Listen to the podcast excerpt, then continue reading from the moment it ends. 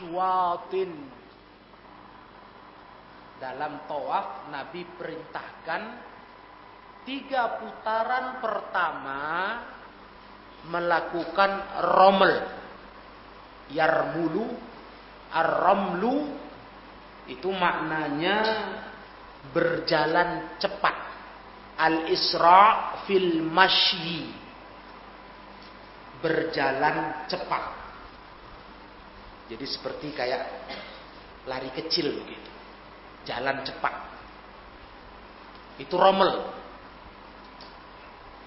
Maka dikatakan jalan cepat karena dia bukan lari itu.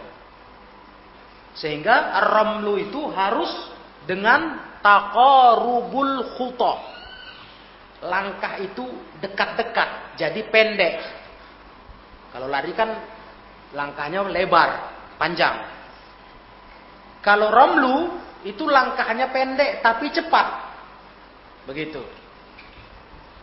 Itu Nabi perintahkan kepada para sahabat. Tawaf itu yang pertama kali putaran tiga pertama, tiga kali putaran pertama itu rommel, jalan cepat. Kakinya dilangkahkan dekat pendek-pendek, dekat-dekat tapi cepat. Wayamshu arba'an. Nah, sisa empatnya karena tawaf tujuh kali ya. Dimulai dari Hajarul Aswad, rukun Hajarul Aswad, diakhiri juga di rukun Hajarul Aswad. Jadi kalau kita berjalan mulai rukun Hajarul Aswad yang sekarang ditunjuk penandanya oleh warna hijau di dinding bangunan e, Masjidil Haram itu nanti putaran pertama sampai ke titik itu lagi hitung satu Tiga kali putaran dilakukan dengan cara ar-ramlu. Jalan cepat. Ya. Empat sisanya sudah selesai tiga kali putaran, masuk ke empat, ke lima, ke enam, ke tujuh, itu berjalan biasa saja. Ayam wayam shu arba'an. Jalan si biasa saja dalam putaran sisanya. Jadi tujuh dia. Itu cara toaf. Ma bainar ruknaini itu dilakukan antara dua rukun. Dua rukun di sini, rukun Yamani dan rukun Hajarul Aswad. Antara dua rukun. Nah, jadi kalau para jemaah pernah mengamalkan umroh, haji, kalau kita lihat bentuk Ka'bah itu kubus segi empat. Titik Hajarul Aswad kita tahu semua. Tempat kita memulai toaf. Nah, di mana rukun Yamaninya? Itulah sudut sebelumnya. Kalau kita mau toaf, kita mulai dari Hajarul Aswad. Kalau kita mundur, sudut sebelum rukun Hajarul Aswad itu rukun Yamani. Nah, dulu syariat lari kecil tadi itu dari mulai Hajarul Aswad mutar sampai rukun Yamani saja. Tidak penuh putaran. Dulu di awal syariat lari kecil tadi, jalan cepat. Itu dia. Itulah hadis Bukhari Muslim. Nah, baru nanti di riwayat lainnya pengamalan ibadah haji Nabi, nah, baru syariat ini berlaku untuk semua putaran dari Hajarul Aswad ke Hajarul Aswad lagi. Mutarnya. Tiga kali berturut-turut itu dengan cara jalan cepat seperti lari kecil tadi. Dan ikhwanifiddin rahimakumullah. Ini amalan khusus untuk laki-laki. Adapun jemaah perempuan tidak disyariatkan. Wanita-wanita yang berangkat haji, umroh, kalau tawaf, jika melihat kaum laki-lakinya jalan cepat, mereka jangan ikut-ikutan, jalan biasa saja. Tak ada pensyariatan untuk laki-laki, ya, untuk perempuan beramal seperti laki-laki. Karena syariat ini hanya dikhususkan untuk laki-laki.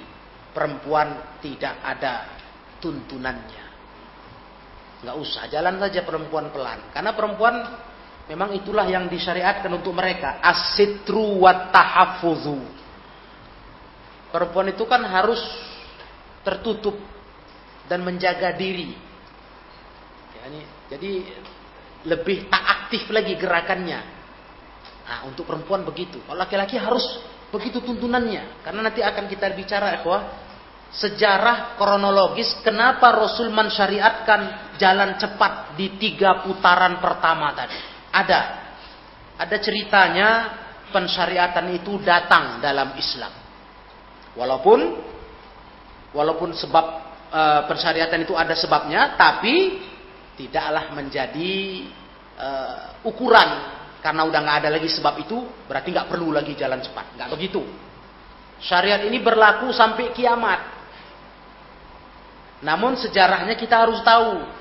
Kenapa dulu Nabi perintahkan sahabat untuk berjalan cepat di tiga putaran yang pertama. Ikhwanifidin yang dimuliakan Allah tabaraka wa ta'ala. Ini terjadinya pada umratul qadha. Perintah uh, riwayat hadis Bukhari Muslim tadi. Jadi memang awalnya begitu. Berlari atau berjalan cepat tadi itu antara rukun Hajarul Aswad sampai rukun Yamani.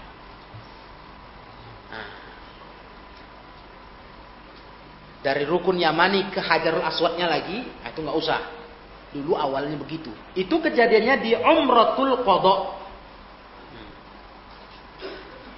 Nah, kenapa itu kejadiannya begitu, Kenapa Nabi perintah sahabat seperti itu? Ada kronologisnya. Hal itu yang diceritakan oleh sahabat Jabir radhiyallahu taala anhu dalam hadis Muslim. Ada juga riwayat dari Ibnu Abbas radhiyallahu taala anhuma. Itu sejarahnya Dulu ketika Nabi datang ke Mekah dan para sahabat mau berumroh. Kalau berhaji kan Nabi sudah cuma sekali. Itulah akhir hayat beliau yang kita dengar, kita kenal dengan Hajjatul Wada. Jadi waktu Nabi berumroh itu keluar cakapnya orang musyrikun Mekah. Apa kata mereka? Innahu yaqdumu alaikum qaumun qad hum humma yathrib keluar cakap di kalangan orang Mekah. Orang Mekah waktu itu masih musyrik, belum Fatu Mekah, belum. Mereka izinkan Nabi setelah proses perjanjian sebelumnya, Nabi dilarang tahun depan boleh umroh. Mereka izinkan Nabi datang umroh. Itu mereka bisi-bisi. Apa kata mereka? Ini kaum yang datang ini Bilangin Rasul sama sahabat. Ini adalah kaum yang mereka datang ke Mekah beribadah ini. Mereka ini orang lemah-lemah. Kena penyakit demam.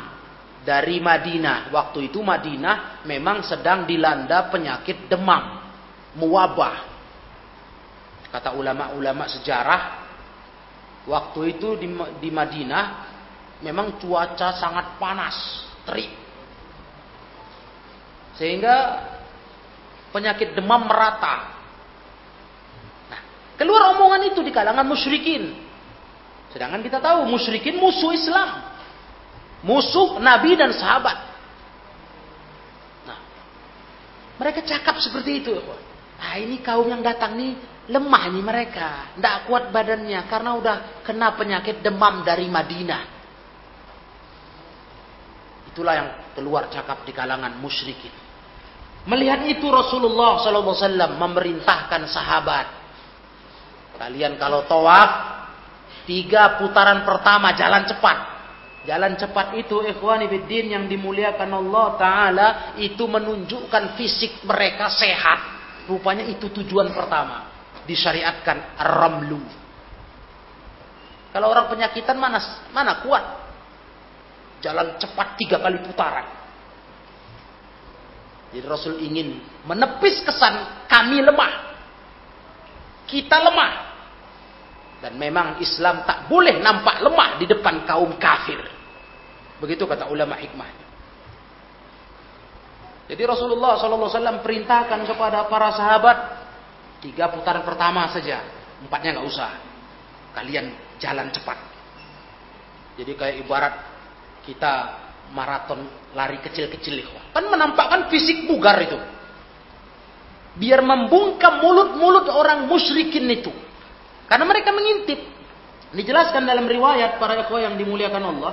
Waktu Nabi sama sahabat tawaf itu, mereka sudah menunggu di sisi bagian gunung mengarah ke Hajarul Aswad. Di gunung-gunung batu-batu itu, mereka nongkrong duduk melihatin orang tawaf sahabat. Nama gunung itu Qaiqa'ani, Jabalu Qaiqa'an. Di situ mereka mengintai. Ah, lemah-lemahnya mereka ini orang-orang Madinah ini. Nabi nggak mau. Nggak mau dipandang lemah oleh musuh Allah, musuh Rasulnya. Nabi suruh sahabat, jalan cepat kalian. Tiga kali. Udah hanya membuktikan di depan mata mereka. Kami kuat, kami sehat. Nih nampak kalian. Bukan jalan biasa kami toh, jalan kencang. Itu ikhwah sejarahnya.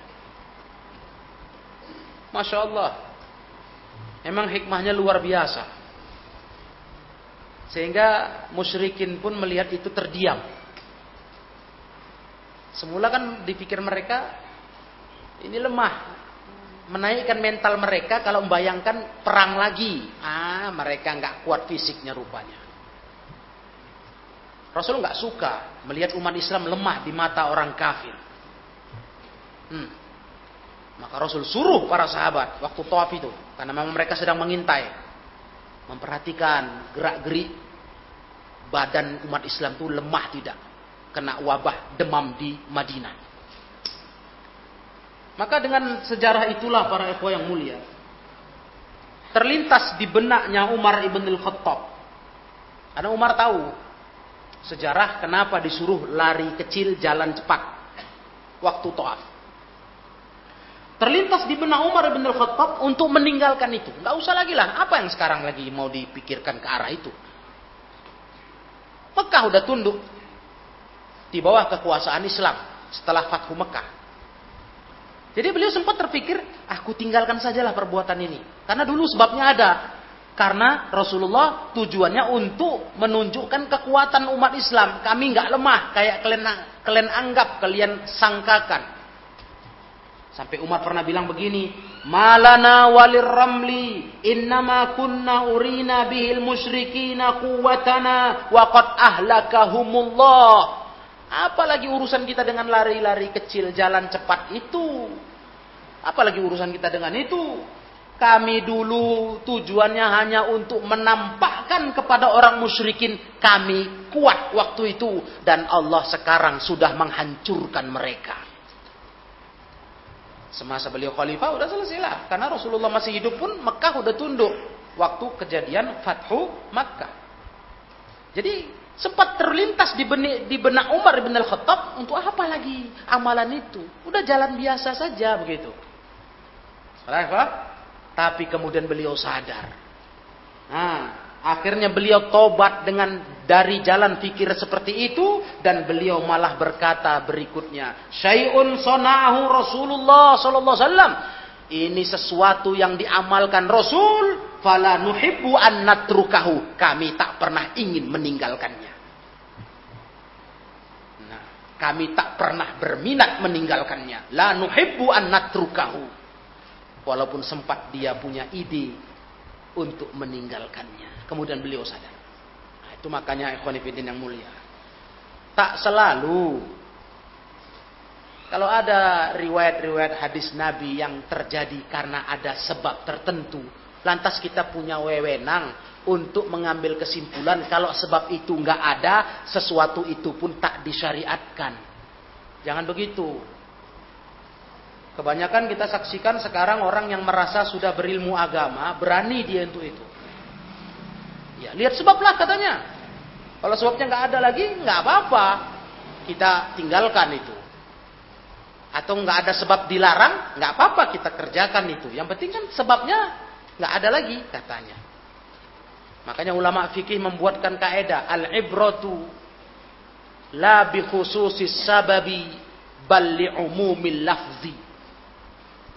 Yang dianggap itu dalam syariat ini bukan kekhususan penyebab munculnya hukum, bukan itu, tapi keumuman lafadznya yang dianggap. Nah ini contohnya. Waktu itu kan sebabnya kenapa lari-lari kecil, jalan cepat tadi? Karena untuk menampakkan kekuatan di depan orang musyrikin yang menganggap umat Islam lemah. Nah, bagaimana ya kawan? Setelah mereka kalah, apalagi yang perlu dipikirkan tentang alasan itu? Kan begitu harusnya. Tapi subhanallah tetap syariat itu berlaku. Bahkan ketika hajatul wada' di haji terakhir Nabi, Rasulullah SAW tetap mengamalkan itu. Jelas ya kok?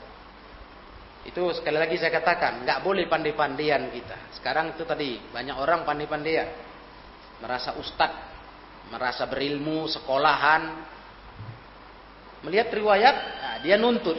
Kita lihat dulu sebabnya, kenapa ini disyariatkan, disunahkan. Salah satu yang saya, saya bawakan contoh aja langsung ke ikhwah. Ketika berani orang berkata perintah u'ful liha wahfus syawarib wa khalaf wa majus. Pelihara jenggot, potong kumis, selisih orang majusi. Ah itu kan karena menyelisih majusi. Sekarang banyak majusi berjenggot. Jadi nggak bisa lagi itu katanya. Astagfirullah. Itu pentingnya, ya, sekali lagi pentingnya kita memahami agama ini paham salah. Siapa salah berpikir seperti yang kau berpikir. Itu pentingnya.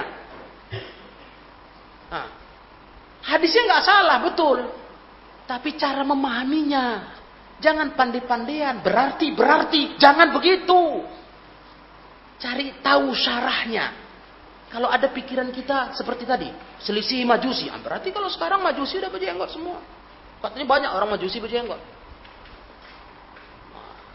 Grup-grup band tuh lagi. Aku depan di grup band bagus kupotong. Ku cukur lah supaya jangan kayak majusi. Dibalik-baliknya dengan otaknya sendiri. Loh. Kenapa nggak bertanya kepada paham salah? Ada nggak ulama salah memahami kayak begitu? Kan banyak ulama salah, ulama-ulama besar Islam. Pak ulama madhab, ulama-ulama tabiin, tabiut tabiin di bawahnya lagi terus banyak kan? Kenapa nggak merujuk ke situ? Kenapa kok pintar-pintaran? Berarti, berarti. Nah inilah masalah sekarang. Kita ditipu dengan kefasihannya membacakan hadis, hafalannya hebat. Kita tidak waspada dengan cara pikir menyimpulkannya ini yang bahaya. Nah, bahwa ada hukum dari hadis itu menurut versinya. Ini yang bahaya. Makanya kita harus kembali ke salaf. Kita cari tahu salaf bicara hadis itu kayak mana. Itu yang selamat. Ini supaya jangan tertipu dan mengerti manhaj dalam beragama. Itu maksudnya kita kembali ke paham salaf. Sebab semua riwayat itu nggak bisa kita pahami sendiri. Nanti salah ngerti. Kayak ini ya. Sempat Umar berpikir, untuk apa lagi kami lari-lari kecil jalan cepat waktu toaf? Bukankah sudah dihancurkan Allah orang musyrikin? Dulu kami lakukan karena mau menampakkan kami kuat di depan mereka. Sekarang mereka nggak ada lagi di Mekah. Ternyata beliau taubat, rujuk. Waroja'a beliau rujuk, kemudian beliau berkata, "Syai'un sona'ahu Rasulullah sallallahu alaihi wasallam." Sesuatu yang diamalkan Rasulullah, amalan lari-lari kecil jalan cepat tadi, fala nuhibbu an kami nggak berani nggak suka meninggalkannya nggak minat. Tak mau tak mau kami meninggalkannya. Iya jadi kok jangan pandi-pandian ya pesan ini nah, jangan kebijakan kata orang ya kebijak kali menyimpulkan sembarangan berarti berarti kata tidak bisa ada pendahulu kita bahasa bahasa umumnya senior-senior kita di agama ini. Yang memang mereka ahli ilmu betul-betulan. Kita cuma bawahan para murid-murid kecil-kecilan. Mereka udah bergelut dengan ilmu yang menghafal sampai jutaan hadis. Imam Ahmad bin Hambal sejuta hadis di kepalanya. Hah, hafalannya. Coba. Imam Bukhari ribuan hadis. Jadi nggak kaleng-kaleng katanya. Sekarang baru pandai ceramah aja ngapal dua hadis, tiga hadis lancar, begaya, belagu kata orang. Berani nyimpulkan, bahkan menurut saya berarti berarti katanya. Itulah yang ikhwah dengar-dengar YouTube-YouTube itu. Udah nggak jelas paham salah tuh tinggalkan sudah. Nanti masuk subuhat kota tuh rusak. Tapi dia pakai hadis mantap, hadis Bukhari Muslim. Iya betul hadisnya nggak salah. Dia nggak ngarang hadis, tapi pahamnya ikhwah. Harus kembali ke paham salaf. Itu yang pintar. Bukan yang pintar yang bisa mengolah-ngolah sendiri. Itu tak pintar dia. Karena bukan ranahnya dia. Bukan bidangnya. Ini bukan teknologi yang perlu ada inovasi-inovasi ya. Kalau teknologi betul. Kalau kita pakai teknologi itu-itu aja. Ya ketinggalan zaman lah. Ya, masa itu-itu aja. Nah, buatlah penemuan baru, inovasi baru, batu baru mantap. Tapi agama nggak bisa begitu. Agama itu sudah baku, sudah sempurna, Barangnya udah jadi, nggak perlu lagi dirombak-rombak, diganti-ganti. Nggak, jadi kalau betul kepintaran kali, jenius kali otak tuh, mestinya hafal hadis, ya, kemudian pahami dengan paham ulama salaf, baca syarah-syarahnya, itu baru pintar. Bukan pandi-pandian membaca hadis, dipahami masing-masing di luar kepala saja. Jadi dia dia apa? Dia olah-olah sendiri dia simpul-simpulkan sendiri tanpa merujuk ke ulama terdahulu. Nah, begitulah para ikhwan yang dirahmati Allah tabaraka wa taala. Sehingga dengan ini jelas nyata amalan ar-ramlu ya adalah amalan yang disyariatkan dalam bab tawaf. Namun sebagaimana pada pelajaran yang lalu kita sudah singgung, amalan ini hanya berlaku untuk tawaful kudum. Tawaf ketika pertama masuk kota Mekah. Tawaf kedatangan kata kita. Tawaf kudum. Ini kalau haji jemaah haji Indonesia itu mesti ada tawaf kudum. Karena ketika nanti masuk kloter pertama itu ke Mekah dari Madinah mereka berangkat. Itu kan nggak langsung haji, lama lagi nunggu haji. Nah sunnahnya Begitu sampai Mekah, udah urus barang-barang, datang ke Ka'bah, toaf. Nah, di situlah perlunya ramlu tadi. Tiga putaran pertama, jalan cepat, lari kecil. Toaf kudum. Ya. Begitu pula para ekor yang mulia, disyariatkan toaf itu untuk jemaah haji kalau memang toaf hajinya plus gabung dengan toaf kudum sama kayak orang umroh. Orang umroh kan begitu. Begitu sampai ke Mekah, yang biasanya malam. Jamaah umroh kan malam. Yang di setel memang dari dari Madinah pagi sampai Mekah malam. Itu langsung toaf untuk amalan umroh. Ah, di situ kan digabung itu sama toaf kudum. Nah, di situ syariatnya lari kecil. Jalan cepat, tiga putaran pertama. Karena statusnya di toaf umroh kita, itulah toaf kudumnya. Nah, maka disyariatkan para eko yang mulia bagi orang yang berhaji, berumroh dan tawafnya langsung dikerjakan, nggak terpisah dengan tawaf kudum, maka di situ disyariatkan juga ar-ramlu, jalan cepat tadi. Ya, kalau jemaah umroh mesti begitu. Dari Madinah, rutinnya kan begitu rata-rata umroh. Ada juga sih rutinnya langsung ke Mekah. Tapi umumnya ke Madinah. Selesai amalan di Madinah, bergeraklah sebagaimana pelajaran kita yang lalu ke Zulhulaifah. Di situ mulai berihram. Berihram umrah. Menuju Mekah, sampai Mekah malam. Malam. Kita kira-kira jam 9, jam 10 malam. Begitu sudah siap-siap dengan barang-barang kita di hotel, nah kita bergerak itu menuju ke Ka'bah, Masjidil Haram, langsung tawaf tapi sebelumnya biasanya sholat dulu, jamak takhir. Maghrib, isya belum kita lakukan, masih di perjalanan kita di bus. Nah, Jadi kita nanti pas di e, pertama masuk Ka'bah, Masjidil Haram, biasanya jemaah diajak sholat oleh ustadz pembimbing. Kita jamak takhir. Tiga dua. Nah, habis sholat langsung menuju ke titik toaf. Itu toaf namanya toaf umroh. Plus di situlah toaf datang kita. Makanya di toaf umroh ini pun karena di situlah toaf datang disyariatkan kita untuk melakukan ar-ramlu. Lakukan ramlu putaran tiga pertama tadi jalan cepat tadi. Itu kalau memungkinkan, ya. Kalau nggak mungkin, bagaimana mau di, dikerjakan? Misalnya karena padat manusia, padat. Kita nggak bisa cari celah untuk mengamalkan itu. Nah, susah, padat manusia. Kalau umroh sih masih bisa. Biasanya kalau haji, karena padatnya orang toa luar biasa. Ya, kalau memang pun padat di umroh, kebetulan pas kita sampai lagi puncaknya masyarakat banyak umroh manusia dari berbagai negara, padat ya ndak usah. Nah, tapi kalau dia ada lapang, kita usahakan jalan cepat tadi. Laki-laki ya, umahat, ibu-ibu, perempuan ndak usah. Tiga putaran pertama. Nah, begitulah jemaah para ikhwah yang dirahmati Allah tabaraka wa taala. Nah, kemudian berikutnya disunahkan pula menampakkan kekuatan izharul kuwah. Kita disunahkan menampakkan kekuatan di hadapan musuh agama. Malah dianjurkan memang tampil kuat. Tampil hebat di depan musuh-musuh Islam. Kayak Rasulullah mensyariatkan jalan cepat tadi. Tujuannya itu. Loh, bagaimana ini? Apakah niatnya nggak salah?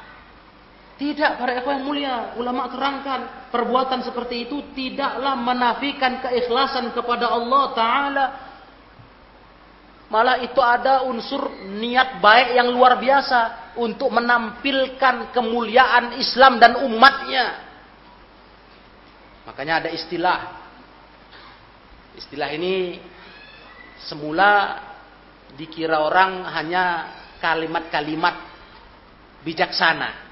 Ternyata tidak. Ini pun ucapan disampaikan Imam Syafi'i. Apa itu?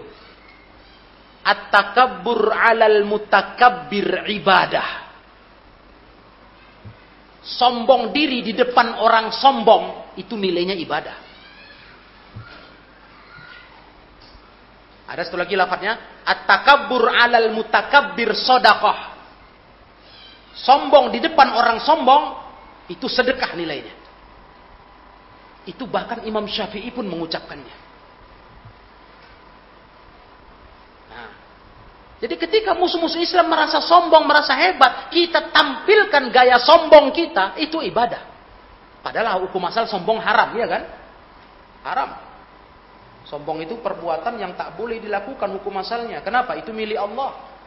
Al-kibru ridai. Sombong itu selendangku, kata Allah. Tak boleh sombong. Tapi unsurnya masalahnya bukan dasarnya kita mau sombong. Tapi untuk membalaskan kesombongan orang-orang sombong. Membungkam kesombongan mereka. Itu maksudnya itu. At-takabbur alal mutakabbir ibadah. Sodakah. Begitu para jemaah. Jadi Islam mengajarkan kita untuk menjadi umat yang kuat. Ya, umat yang nampak tegar di depan musuh-musuh agama, tak boleh nampak lemah, tak boleh nampak patah semangat. Nah, ya begitulah para ikhwah yang dirahmati Allah tabaraka wa taala dan Ibnu Jarir menjelaskan atau bari beliau tegaskan bahwasanya Ketika hajatul wada Nabi SAW tetap melakukan ar-ramlu di saat padahal saat itu tak ada musyrikin lagi. Itu menunjukkan bahwasanya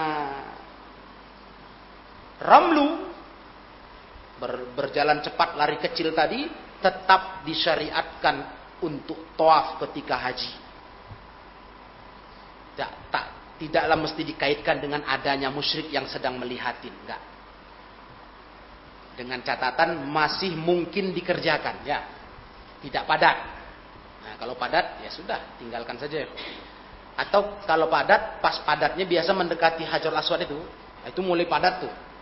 Karena orang semua melambat di situ untuk mengucapkan Bismillah Allahu Akbar kepada Hajar Aswad. Mulai melambat, mulai padat itu. Nah, itu ya jangan kita paksa jalan cepat. Nanti udah terurai dia, nampak celah bisa jalan cepat lagi, jalan lagi. Tiga kali putaran begitu. Artinya kita tetap berusaha, kata ulama, untuk dapat mengerjakan syariat ini. Tetap berusaha sebisa mungkin. Kalau pas orang macet, melambat gerakan orang toaf, ya sudah kita ikut. Ya, Nah, begitu nanti sudah terurai, kita nampak celah bisa kosong, jalan cepat, jalan lagi. Dan kata Imam Ibnu Hajar di kitab Fathul Bari, ya penulis Bulughul Maram ini, di kitab beliau Fathul Bari Syarah Sahih Bukhari kata beliau, la yusra'u tadarukur ramlu falau tarakahu fis salasati lam yaqdihi fil arba'atil baqiyah lianna hay'ataha as-sakinah fala tughayyar. Kata beliau, tidak disyariatkan untuk menggantikan ramlu itu. Kalau udah tiga putaran pertama selesai. Misalnya begini, mungkin di tiga putaran pertama padat. Ah, dia nggak bisa jalan cepat. Kebetulan masuk putaran keempat, kok lapang. Mungkin bisa dikerjakannya itu, ganti yang tadi. Tidak disyariatkan menggantikannya di empat putaran berikutnya. Tak ada syariatnya. Jangan ada yang berpikir, nah, tadi nggak sempat. Ini putaran keempat ini malah sempat ini, nampak lapang. Udah banyak orang selesai toa. Nah, jangan, jangan digantikan, nggak udah lewat yang tiga tuh lewat, lewat sudah. Karena tempat putaran berikutnya itu itu tempatnya sakinah kata Ibnu Hajar. Tempatnya kita berjalan tenang. Jadi nggak usah digantikan. Karena kesalahpahaman ini muncul ya. Muncul. Ketika orang merasa dia belum sempat mengerjakan ramlu di tiga putaran pertama, dia coba curi-curi di, di empat putaran sisanya. Padahal tak boleh begitu. Tak ada syariatnya kata Ibnu Hajar al-Asqalani. Empat putaran yang terakhir itu, itu tempatnya sakinah, tempatnya jalan tenang. Jadi kalau udah nggak dapat dari pertama, ya sudah. Nah, gak usah diulangi lagi, nggak usah diganti di putaran berikutnya. Sudah jelas aturan ini. Nanti kita akan dapati kondisi itu. Mudah-mudahan ketika sudah normalnya kondisi hari ini. Sudah dibuka lagi di eh, Ka'bah, di Mekah udah boleh datang lagi jemaah haji umroh. Nah, nanti kondisi ini akan dirasakan. Ketika puncaknya orang-orang berumroh Biasanya itu di Ramadan. Itu luar biasa antusiasnya masyarakat berumroh. Karena umroh di Ramadan itu tak hajjan. Sama dengan pahala haji. Nah, itu walaupun umroh namanya, musim umroh bukan musim haji, itu kepadatan tawaf luar biasa, luar biasa. Sehingga secara pengalaman ya susah kita mengerjakan ramlu di tiga putaran pertama susah. Jalan kaki aja pun sabar-sabar, jalan santai. Karena padatnya manusia udah berhimpitan punggung dengan dada. Nah, pelan-pelan, mutar tujuh kali itu lama. Karena padat. Itu kalau musim puncak umroh biasanya Ramadan. Nah, tapi kalau yang hari-hari atau bulan-bulan yang tidak puncak umroh, biasanya agak sepi itu selepas Idul Fitri. Habis hari raya, itu kan sudah selesai rangkaian ibadah e, Ramadan, masuk hari raya. itu sebelum masuk ke musim haji, ya, biasanya ada kesempatan waktu untuk datang berumroh. Kalau dibukakan waktunya itu. Kalau enggak ya sudah. Karena mungkin biasanya masuk kepada persiapan musim haji. Nah, Begitulah ikhwan. Jadi ada waktu-waktu yang memang nggak padat kali orang toaf. Tapi kalau padat betul, jangan dipaksa. Ar-ramlu ini jangan dipaksakan. Sebagaimana kaidah kita dalam Hajarul Aswad menciumnya, menyentuhnya, jangan dipaksakan karena itu sunnah. Sunnah saja. Sedangkan larangan menyakiti sesama umat Islam itu haram. Jadi karena kalau resikonya kita lari kecil, jalan cepat menyakiti orang lain, menyenggol sana, nyenggol sini, itu jangan. Tidak usah, ya. jalan biasa saja selama tiga putaran pertama sampai akhir. Nah, ya para ibu yang dimuliakan Allah tabaraka wa taala. Bahkan kalau memang kita bisa menyetel, mengatur bisa melakukan ramlu tapi resikonya kita menjauh tawafnya dari Baitullah Al-Haram, Ka'bah. Memang yang utama itu mendekat. Tapi karena kita mikir bisa ramlu, kita harus dalam lingkaran tawaf itu melebar ke lingkaran yang paling jauh. Mungkin itu agak lapang untuk lari kecil tadi. Jalan cepat. Pilih itu kata ulama. Pilih itu kalau mungkin masih. Walaupun kita makin menjauh dari posisi Ka'bah di putaran tawaf itu. Tidak apa-apa, pilih itu daripada keutamaan mendekat ke Ka'bah tapi kita nggak dapat jalan cepat. Tapi kalau udah penuh juga bagian semuanya, kalau puncak-puncak umroh tadi penuh memang itu, penuh.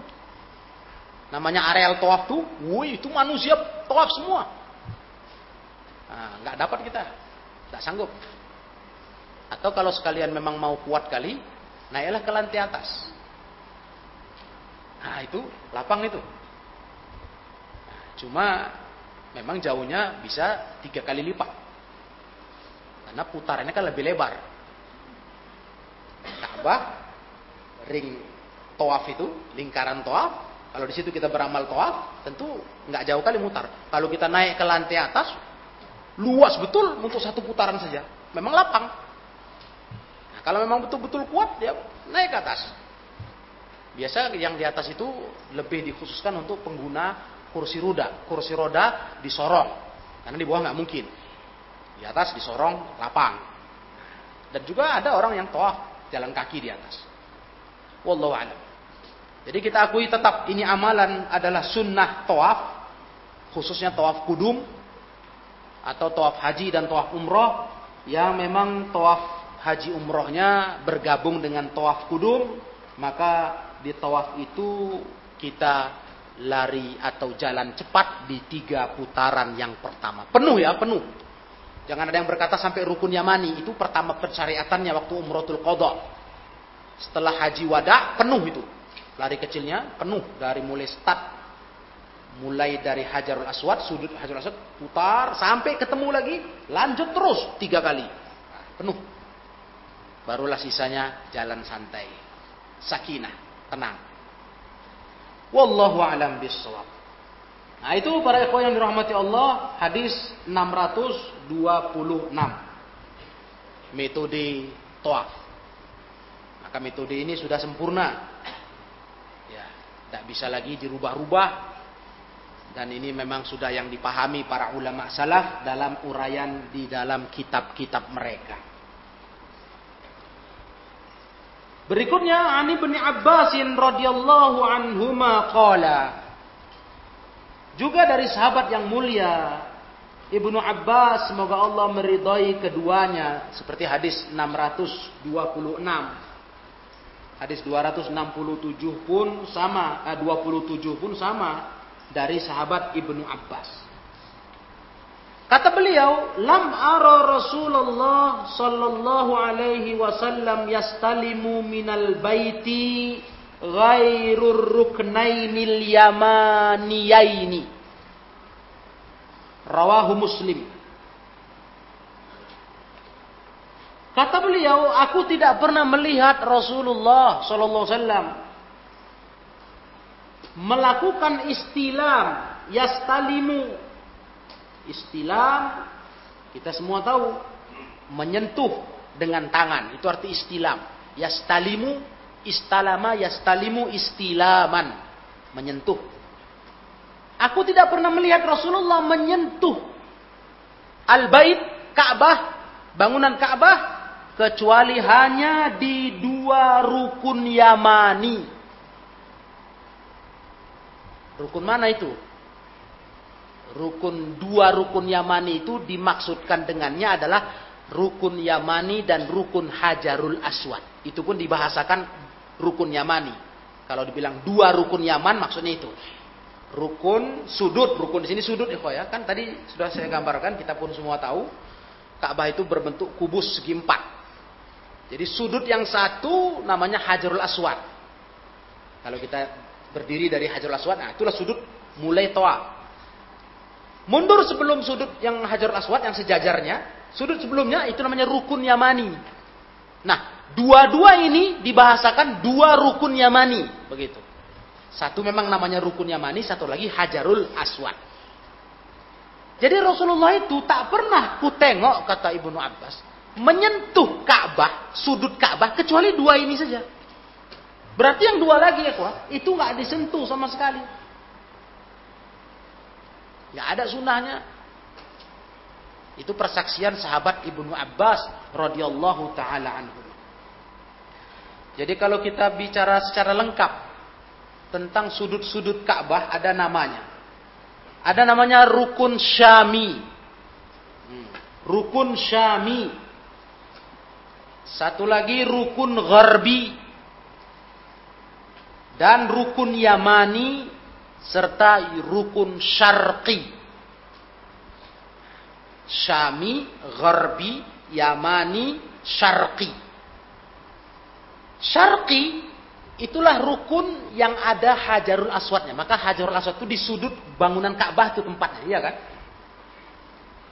Kalau para jemaah ingat, baik yang sudah ke sana atau melihat gambar, itu kan di sudut bangunan Ka'bah itulah ditaruhkan Hajarul Aswad.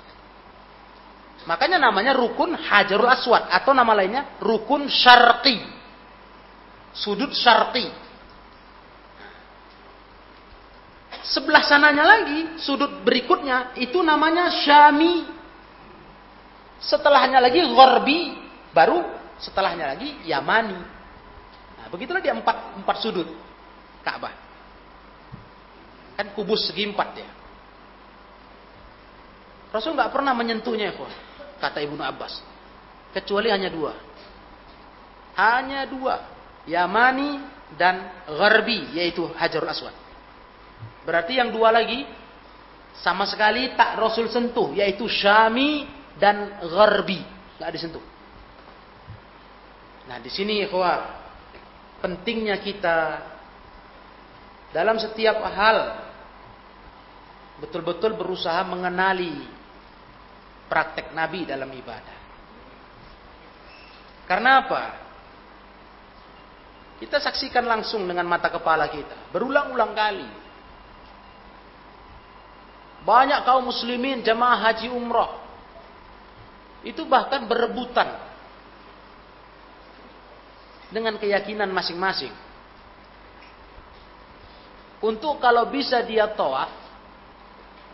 Itu sambil menempelkan badannya di bangunan Ka'bah. Secara total. Paling tidak menyentuhnya ketika dia berjalan toaf. Semua dinding Ka'bah, bukan cuma sudut. Bayangkan ya. Untuk apa ini? Untuk apa perbuatan ini? Sedangkan Nabi hanya menyentuh. Menyentuh. Dengan tangannya dua sudut saja. Rukun Yamani, rukun Hajarul Aswad atau rukun Syarqi. Jadi andai kata pun kalau sekedar ya tanpa ada tujuan itu nggak sunnah karena sia-sia. Tapi apalagi ada tujuan tabarruk. Apa tabarruk para jemaah? Cari berkah. Ini bangunan Ka'bah kiblat dunia, cari berkah. Dan itu nyata terjadi. Bangunan Ka'bah itu bahkan jadi sasaran tempat ratapan tangis jemaah haji umrah. Menempelkan badannya di bangunan Ka'bah itu. Hah? Bukan di di multazamnya pintu Ka'bah itu makbul doa, tapi di semua keliling empat sudut itu bangunan semua. Apalagi kiswahnya masih diturunkan. Masya Allah. Ya Allah ya Allah. Padahal nggak ada apa-apanya ikhwan yang mulia, nggak ada keutamaannya, nggak ada keistimewaannya. Hah? Kalau sudah pemerintah menjelang puncak haji, itu menggulung, menaikkan kiswah Ka'bah, diangkat setengah. Karena udah mulai rusuh jemaah haji. Nah, udah mulai nggak karu-karuan dengan kain Ka'bah yang menutupi itu, kelambunya itu. Dinaikkan setengah. Itu subhanallah. Begitu melihat batu bangunan Ka'bah itu histeris mereka. Lebih sadis lagi rupanya. Dan itu kita saksikan langsung ikhwan.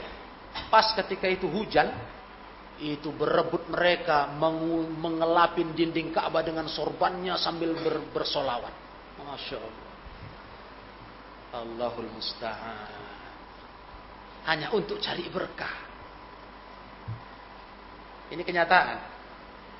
Nah, dan ini terulang-ulang terus. Petugas sudah capek melarang, mengusir mengatakan tidak boleh, tidak boleh, nggak ada apa-apanya, nggak peduli. Hmm. Harga mati itu untuk cari berkah dengan bangunan Ka'bah. Nah ini, ikhwah dengar hadis ini jadi pelajaran sama kita. Rasul saja, ah, kan gitu. Rasul saja nggak mau dan nggak melakukan menyentuh apa pun dari bangunan Ka'bah kecuali dua sudut ini saja. Rukun Yamani, rukun Hajar Aswad. Sudah, lain nggak ada. Iya. Apalagi bangunannya itu kan buatan manusia. Apalah pula di mana pula dikatakan berkah-berkah dan sebagainya. Dari mana? Berapa kali renovasi itu sudah? Bukan barang kuno peninggalan Nabi Ibrahim. Udah diperbaiki berapa kali itu pernah hancur dulu kena banjir. Iya dibangun lagi. Ah. Makanya nggak ada apa-apanya gua. Jangankan itu, hajar aswad saja pun batu dari surga. Apa kata Umar bin Khattab? Kau batu. Kalau nggak kau tengok Nabi cium kau, nggak kau cium kau. Hah. Apalah cuma bangunan dindingnya itu. Nah inilah nikmatnya ilmu. Kalau nggak berilmu kita mungkin tertarik ya. Ya juga ini. Bisa bawa cerita ke Medan. Hah? Ku cuci dinding Ka'bah dengan sorbanku ini. Wah. Tak tahu amalan sia-sia. Aduh, berhujan-hujan deras itu. Wah. Bangga gembira kali dia cuci dinding Ka'bah itu sorban. Kebanggaan. Ini sorban mungkin seumur hidup nggak bakal dicuci lagi. Keramat sudah. Inilah kebodohan nih, kalau nggak berilmu. Dan itu terjadi di tengah masyarakat kita. Nah, nah, ikhwan yang mulia, maka pensyariatan men menyentuh Hajarul Aswad, rukun Hajarul Aswad, rukun Yamani itu menunjukkan ibadah itu sifatnya tauqifiyah. Tauqifiyah itu ya sudah segitu aja, nggak bisa ditambah-tambah. Maka fala yuta'abbadallahu illa bima syara'ahu ta'ala au syara'ahu rasuluhu sallallahu alaihi wasallam. Tidak ada, tidak boleh beribadah kepada Allah, tak boleh menyembah Allah kecuali dengan apa yang Allah syariatkan atau Rasul ajarkan. Nggak boleh kalau cerita ibadah, nggak ada rumusan tambah-tambah, nggak ada. Kecuali apa yang Allah syariatkan melalui lisan Rasulnya. Lain tidak ada. Itulah prinsip kita dalam beragama. Kita mau menyembah Allah kalau cocok dengan cara Rasulullah. Kalau enggak kita enggak mau. Karena memang haram menyembah Allah. Kalau enggak cocok dengan cara Rasulullah. Allah enggak butuh disembah kalau enggak pakai aturan yang betul. Ya kan? Iya. Itu dalam teori ilmu dunia pun sebetulnya begitu ya, kawan. Nah, begitulah sebetulnya. Kita mana mau kalau enggak dengan metode yang benar, metode yang betul sesuai aturan. Orang mengerjai sesuatu kebutuhan kita. Yang penting asal jadi. Kan tidak mau kita. Walaupun ya jadi sih. Mungkin terlaksana. Tapi kalau nggak betul aturannya malah membahayakan. Nggak sesuai dengan perhitungannya. Teorinya. Itu dunia. Yang dunia ini sekedar ya berapa kali lah urusannya. Kalau agama apalagi. Ini urusan hubungan sama Allah yang mau dibawa mati. Makanya kita nggak ada pernah mau terima yang namanya ada bid'ah hasanah. Bid'ah amalan baru kok baik. Itu dari mana rumusannya? Kita nggak pernah terima itu. Manhat salaf, ulama salaf dan khalaf. Sudah habis-habisan menjelaskan, membantah orang yang punya pikiran seperti itu. Karena ini dari prinsipnya. Kita nggak mau beribadah kepada Allah kecuali dengan syariat Allah dan syariat Rasulullah. Sallallahu alaihi wasallam. Ini ibadah tauqifiyah. Barang jadi sudah. Bukan perlu dipikir-pikir lagi metodenya, enggak. Sudah ikut aja aturan garisnya. Ibarat kita beril. Udah jadi. Tidak perlu lagi kita mikir-mikir yang lain. Jalannya aja rel itu sampai tujuan, selesai. Itu Islam yang betul. Islamnya sesuai sunnah Nabi Shallallahu Alaihi Wasallam. Nah, nah kemudian ikhwan yang mulia, ulama muslimin sepakat, ulama muslimin sepakat bahwa dua rukun Yamani itu dibangun oleh Nabi Ibrahim. Ya. Begitu pula tonggak-tonggak tiang-tiangnya Ka'bah. Dua rukun itu, Yamani dan rukun Hajarul Aswad. Adapun rukun Syami dan rukun Al-Gharbi menurut ulama itu bukan dari uh, rancangan bangunan Nabi Ibrahim. Itu disusul kemudian penyempurnaan bentuk sudut itu. Ternyata yang dua itu yang dari fondasi rancangan Nabi Ibrahim alaihissalam. Rukun Yamani, rukun Hajar Aswad. Nah, itu dia. Rukun Yamani dan rukun Syarqi. Jadi yang Syami, Gharbi, dua sudut sana. Kalau kita dari posisi sini, nah itu bukan itu setelahnya. Itu kalau dalam sejarah yang diterangkan ulama. Mungkin Allah alam dengan sebab itulah Rasulullah memprioritaskan untuk menyentuh dua rukun Yamani ini dan tidak menyentuh dua yang berikutnya. Yang dua berikutnya itu yang arah sisi Hijr Ismail itu ya, Kalau kita lihat bangunan Ka'bah, kan di sudut sebelah sananya, sebelah Hajar Aswad itu kan ada kayak bangunan seperti melengkung begitu itu namanya Hijr Ismail. Nah, di situlah posisi rukun Syami, rukun Gharbi. Kalau yang sudut sini itulah rukun Yamani, rukun Hajarul Aswad atau rukun Syarqi. Wallahu alam. Mungkin itu hikmahnya kata ulama Rasulullah wasallam menyentuh dua rukun itu karena dasar e, keyakinan tadi adanya keistimewaan dari apa yang dibangun Nabiullah Ibrahim alaihi salatu wassalam. Ya, demikianlah kaum muslimin para jemaah yang saya muliakan.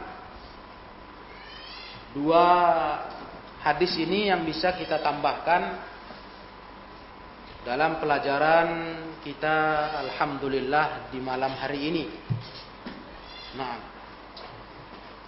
jadi saya informasikan kepada ikhwah malam Jumat depan itu kita masih di hari tasyrik kita libur kajian. Malam Ahad pun begitu. Malam Ahad pun kita libur kajian. Kita baru mulai lagi insya Allah malam Jumat depannya lagi. Baru kita masuk lagi melanjutkan kepada hadis 628 nah. Ya, itu dia. Jadi malam depan kita hari tasyrik, hari raya, kita kosong. Sampai malam ahadnya pun begitu. Karena santri baru kembali ke Mahat malam Senin insya Allah. Nah, baru kita malam Jumat depannya kita masuk lagi aktif seperti biasa taklim untuk melanjutkan hadis 628. Ya demikian wallahu alam bisawab. Tapi malam Ahad besok masih taklim ya. Besok malam Ahad masih taklim kita uh, melanjutkan pelajaran tafsir. Wallahu a'lam bissawab. Wa akhiru da'wana anil hamdulillahi rabbil alamin.